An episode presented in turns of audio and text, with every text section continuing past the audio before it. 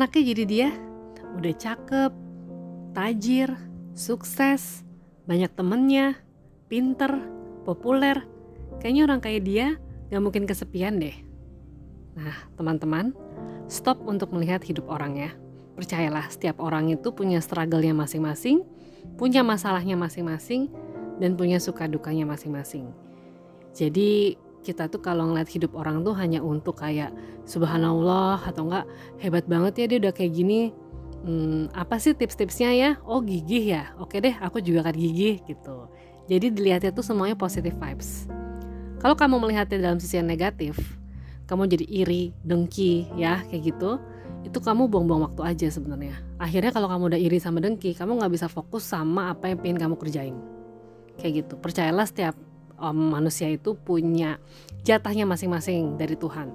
Dan kamu juga nggak perlu kayak misalnya eh gila ya dia udah populer kayak gini eh tapi pasti ya kayak gini nih orangnya ini tidurnya berantakan tau gak sih? Pasti kayak gini nih orangnya tuh sakit-sakitan tau. Udah nggak usah cari kekurangan dari hidup dia yang kelihatannya menurut kamu tuh juga perfect gitu. Ya udah lepasin aja lah gitu loh masing-masing orang tuh kayak punya suka dukanya masing-masing gitu. Oke sekarang aku mau cerita tentang kesendirian itu sendiri ya. Kesendirian itu sendiri wah. Kok jadi sendiri gitu? Oke, aku mau bahas sebenarnya ini terinspirasi dari ya aku cukup kaget sih ternyata kemarin aku denger Aaron Carter adiknya Nick Carter Backstreet Boys itu meninggal.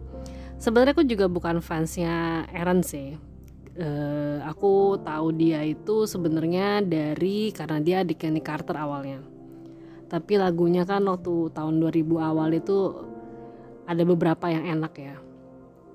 Aku dengerin terus habis itu ada juga yang enak gitu. Tapi ya berjalannya waktu banyak musisi-musisi yang uh, lewat di hari-hari aku ya akhirnya aku juga nggak terlalu ngikutin dia juga gitu aku ngikutin dia lagi itu waktu tahun 2020 tuh zaman zamannya pandemi kan kita pasti jadi suka ngeliat apa ya apa kabar ya nih orang apa kabar ya itu orang gitu. Nggak cuma teman kita yang kita pengen tahu apa kabarnya tapi kayak uh, misalnya jadi nontonin film yang pernah kita tonton dulu jadi baca buku yang pernah kita baca dulu jadi dengerin lagu yang pernah kita dengerin dulu akhirnya jadi kayak apa kabar nih si Aaron Carter? gitu kan dan di tahun 2020 tuh aku cukup kaget sih karena ternyata perubahannya besar banget. Sebenarnya waktu aku ngikutin kan keluarganya Nick Carter juga pernah tuh ada reality show-nya gitu.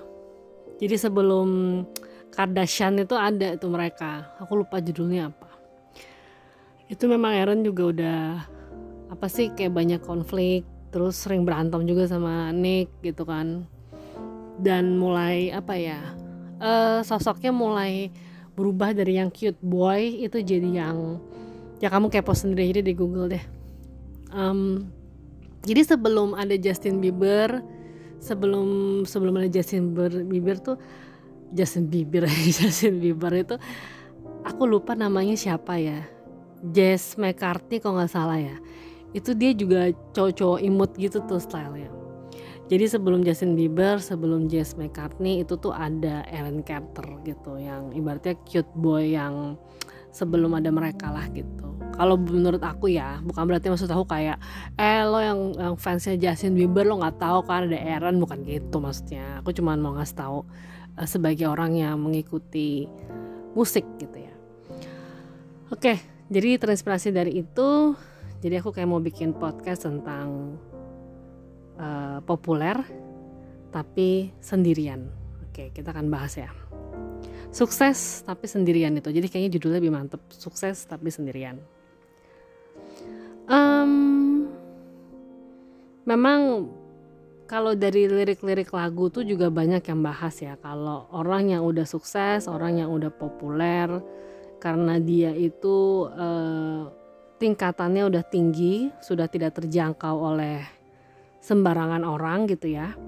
Jadi dia hanya berinteraksi dengan beberapa orang dan hidupnya sudah dipenuhi dengan kesibukan, pekerjaan dan lain sebagainya. Akhirnya temannya sedikit dan akhirnya merasa kesepian. jadi sukses tapi uh, kesepian ini bukan berarti hanya uh, untuk jomblo-jomblo ya gitu. Ibaratnya mentang-mentang jomblo nggak punya pasangan jadinya kesepian. Kesepian itu bisa menyerang siapa aja gitu. Orang yang rasa uh, eh orang yang rasa orang yang kelihatannya kayaknya rame terus bisa juga dia ngerasain sepi gitu. Um,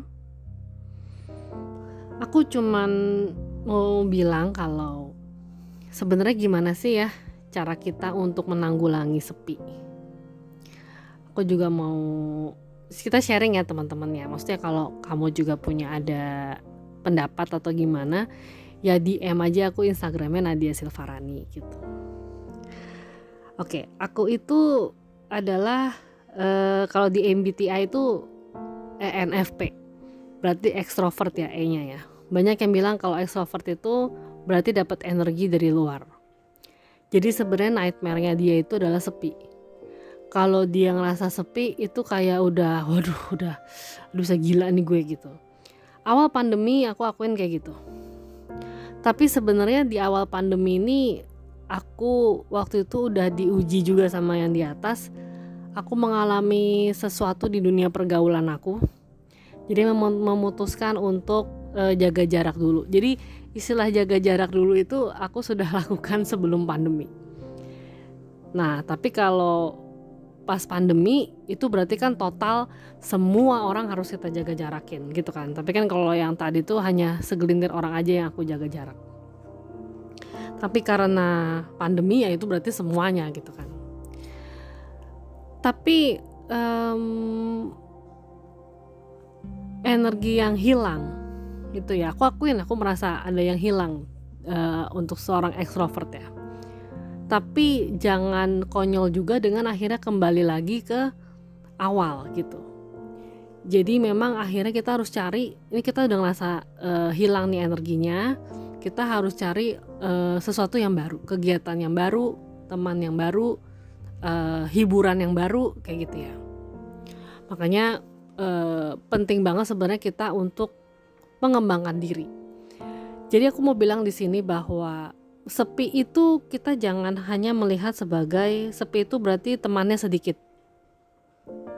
Nah akhirnya kalau kita fokusnya di situ uh, teman sedikit, akhirnya kita bisa apa ya bisa kayak merasakan si sepinya itu sendiri gitu.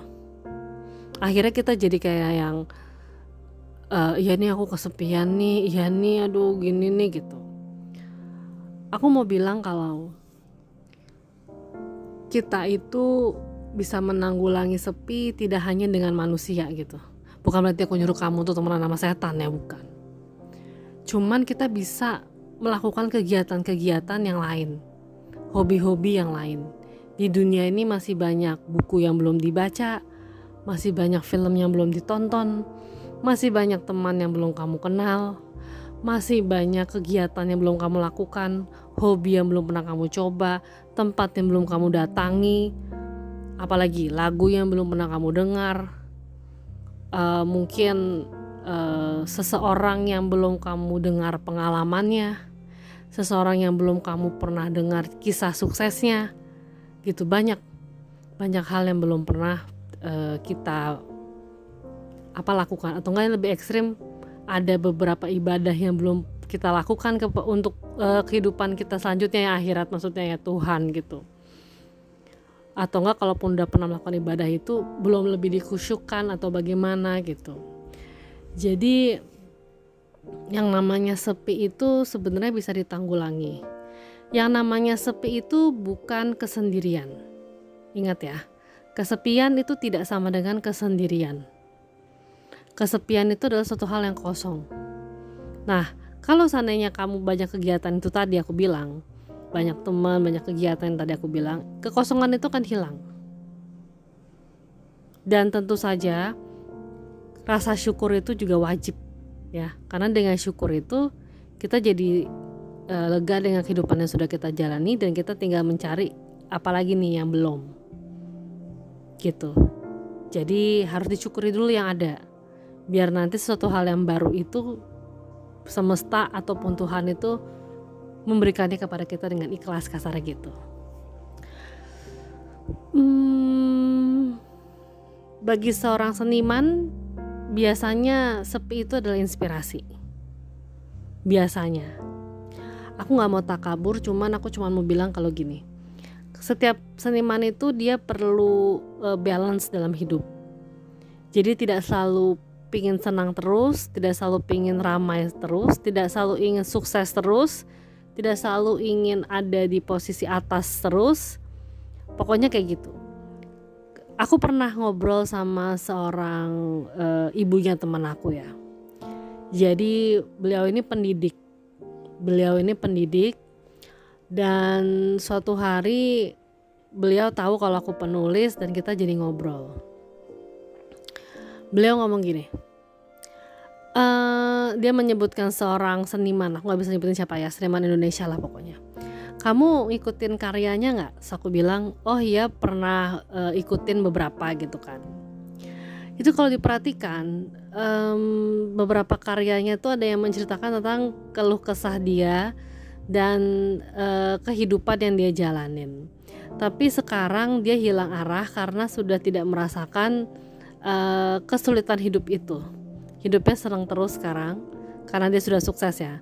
Nah akhirnya dia jadi bingung ingin menulis apa? Karena udah sukses udah seneng kayak gitu.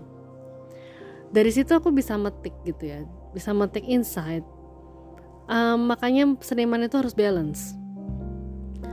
Dia kalau uh, dan aku ternyata merasakan itu. Misalnya nih aku lagi merasa um, apa ya istilahnya ya? Misalnya aku lagi ngerasa sedih banget gitu. Akhirnya aku bikin beberapa karya. Nah aku jadi pingin mulai senang lagi. Kita mulai cari hal apa lagi apa lagi yang bikin kita senang kayak gitu.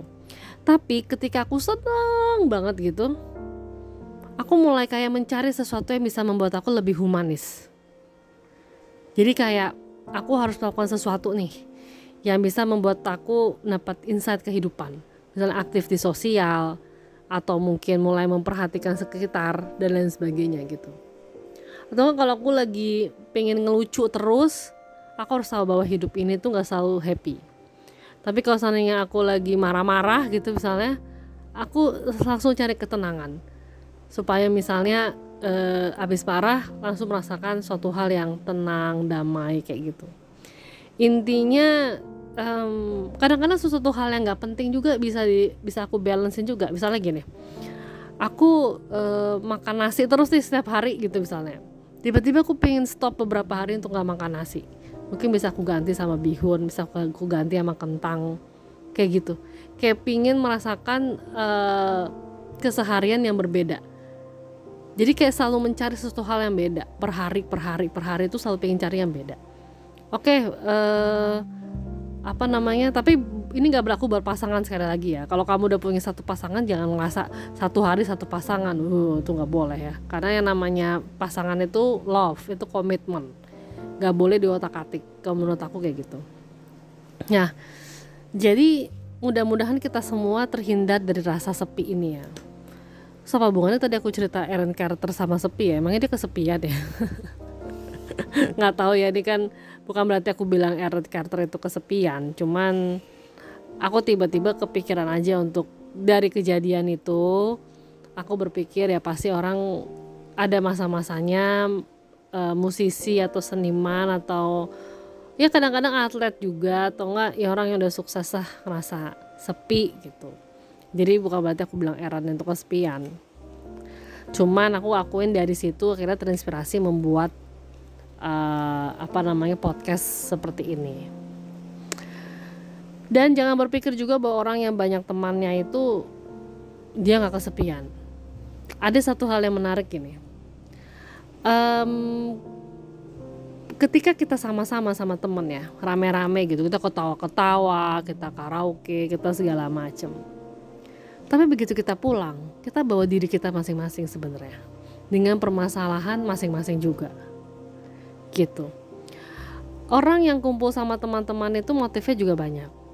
Ada yang pingin refreshing dari masalah-masalah yang sedang dihadapi. Ada yang memang kangen sama teman-temannya. Ada yang uh, rindu dengan keramaian karena misalnya pekerjaan dia tuh sesuatu hal yang sepi. Itu aku ya sebenarnya. Kayak aku kan uh, penulis ya. Tapi aslinya aku ekstrovert jadi ketika aku sudah selesai bekerja aku pengen ketemu temen itu tapi aku juga orang yang kalau belum selesai jangan ketemu temen juga gitu. Takutnya nanti kalau dijeda akhirnya untuk lanjutin pekerjaan lagi agak susah. Jadi aku sebenarnya kalau lagi ngerjain deadline aku susah diajak pergi. Jadi kontradiktif ya. Jadi mendingan perginya tuh teman-teman senang-senang kalau udah selesai kerjaannya macam-macam motif orang untuk ketemu teman tapi eh, yang menariknya adalah ketika kita sedang beramai-ramai itu ada yang memang lagi ramai hatinya juga. Karena ya itu ketemu teman-teman dan ketawa-ketawa dan cerita-cerita gitu ya. Tapi ada juga yang walaupun udah ada teman-temannya di sekitar dia dia ngerasa sepi. Kamu pernah ngerasain kayak gitu gak? sorry agak gelegean dikit. Uh, kalau kamu pernah merasakan kayak gitu kamu pertanyakan lagi sama diri kamu kenapa saya sudah ada di sini tapi saya tetap sepi? Kalau misalnya itu pekerjaan atau sesuatu hal yang wajib kamu lakukan dan kamu ngerasa sepi itu wajar. Misalnya gini saya harus ada gathering nih gathering perusahaan. Atau enggak saya harus ada seminar nih gitu.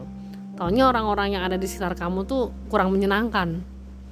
Akhirnya kamu cuman hahaha gitu tapi hati kamu sepi gitu ibaratnya oke deh habis sudah selesai kerjaan ini bye. Gue nggak usah temenan lagi sama orang-orang pada gitu ya. Tapi ada yang ternyata begitu pulang ya dia masih keep touch sama teman-temannya itu karena waktu itu seru gitu kan. Nah tapi kan buat yang merasa kalau karena ini pekerjaan doang habis itu ya udah bye gitu itu wajar aja ngerasa sepi karena itu kerjaan. Tapi kalau misalnya itu udah senang-senang sebenarnya udah suatu hal yang memang kamu menjalaninya tuh nggak dalam tekanan atau kewajiban atau paksaan tapi kamu ngerasa sepi. Nah kamu pertanyakan lagi tuh di, ke diri kamu kenapa kamu sepi? Apa kamu mulai nggak relate sama lingkungan kamu? Jadi kamu harus mencari yang lebih cocok lagi sama kamu atau apa? Karena eh, apa? Atau bisa juga kamu lagi mikirin yang lain gitu kayak misalnya rame nih tapi kamu ngerasa sepi karena kamu belum ya karena kamu punya eh, suatu masalah atau punya urusan yang lain. Jadi kayak fisik kamu di situ tapi hati kamu nggak di situ. Gitu juga bisa. Pokoknya ya apa ya kita dalam menjalani hidup ini harus sering refleksi dan harus sering kayak tanya ke diri sendiri kenapa kamu kayak gini ya? Kenapa kamu sedih ya? Kenapa kamu sepi ya? Gitu. Karena uh, fisik kamu hati kamu pikiran kamu jiwa kamu itu diberikan oleh Tuhan itu bukan untuk kamu cuekin gitu. Tapi harus kamu pertanyakan terus gitu.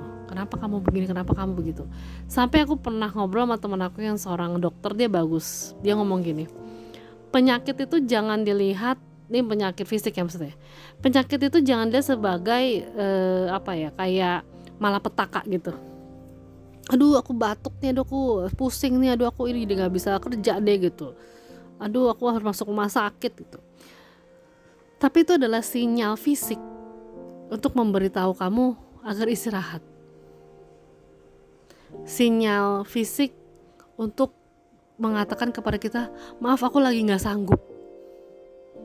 Kayak gitu. Misalnya kita lagi olahraga nih lagi lari gitu. Tiba-tiba kaki kita kram itu adalah cara kaki ngasih tahu ke kita stop dulu dong. Ini udah di batas maksimal nih. Kamu seminggu ini lari udah berapa kilo? Saya capek gitu. Kasarnya kaki ngomong-ngomong gitu ke kita. Nah jadi tugas kita adalah memberikan asupan-asupan nutrisi dan keseimbangan kegiatan kepada fisik-fisik kita ini gitu. Aku pernah lagi nulis kan, jari jari aku kram gitu. Gara-gara waktu itu aku ngerjar deadline. Aku minta maaf sama tangan aku gitu. Maaf ya gitu, aku maksain kamu untuk terus bekerja gitu. Harusnya aku tidak melakukan itu ke kamu. Akhirnya besok-besok ya aku lebih mengatur lah kayak gitu. Jadi dalam satu badan kita ini udah banyak sebenarnya teman-teman kita loh tangan kita teman kita kaki kita teman kita hati kita teman kita pikiran kita teman kita. Semuanya teman kita yang harus kita rawat kita jaga gitu kan. Jadi nggak sepi sebenarnya hidup kita. Bahkan kalau kita mau kaitin ke hal religius ya katanya nanti yang menemani kita di alam kubur itu adalah amal kita. Teman kita itu adalah amal kita. Jadi perbanyaklah amal supaya nanti pas dikubur itu teman kita banyak yaitu si amal-amal itu tadi. Bukan maksudnya teman kamu yang namanya amal bukan gitu. Maksudnya ya amal ibadah kita gitu. Ya mungkin kali ini podcast aku begitu aja sih membahas tentang sepi social life. Percayalah sepi itu sebenarnya nggak ada. Sepi itu kita yang buat. Aduh aku sepi deh. Udah karena beneran sepi. Tapi kalau kita berpikir uh, apa ya namanya saya harus ada kegiatan saya harus ada tem, apa kalau teman A nggak bisa diajak pergi teman B gitu kan bisa gitu. Kita yang menanggulangi kesepian kita. Atau enggak ya kalau lagi sepi ya berarti mungkin baca buku atau enggak baca kitab suci mendekatkan diri pada Tuhan. Banyaklah kegiatan yang bisa kita lakukan. Oh ya aku jadi ingat aku pernah bikin tulisan tapi belum jadi sih tentang sepi. Jadi karena ada seseorang yang ngerasa kalau dia itu sepi akhirnya dia didatangin sama uh, apa namanya makhluk gaib gitu ya. Yang namanya sepia gitu. Nah itu aku juga banyak tuh filosofi sepi itu di cerita itu. Mudah-mudahan aku bisa lanjutin ya. Oke kayaknya itu aja yang bisa aku uh, sharing ke teman-teman semua semoga ada manfaatnya ya cuap-cuap gak jelas aku ini. Oh ya mungkin aku bisa bilang gini sih makanya waktu pandemi itu aku sering bilang kalau BTS itu temen nongkrong virtual aku. Oke itu salah satu cara orang ekstrovert uh, menanggulangi sepi ya gitu. Karena kan ya aku udah nggak bisa ketemu temen se segampang dulu karena pandemi gitu kan. Jadi aku selalu melihat uh, idolaku salah satunya si BTS ini ya sebagai teman-teman nongkrong virtual. Bukan aku gerakin aku lagi ngobrol sama mereka gitu bukan. Nah, maksudnya aku cukup nonton uh, variety show mereka, lihat interaksi mereka.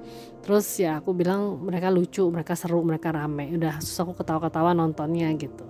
Gitu. Bukan berarti aku kayak ngomong, "Eh Jimin, sini loh kita makan nasi goreng bareng gitu sih mamaku di rumah udah takut kali kalau dia ngomong sendiri Oke, itu aja sih. Uh, makasih untuk perhatiannya udah dengerin podcast ini. Semoga kita eh, ngobrol-ngobrol uh, lagi di lain kesempatan dan semoga kita jauh dari sepi dan terima kasih see you. Dannya banyak banget ya.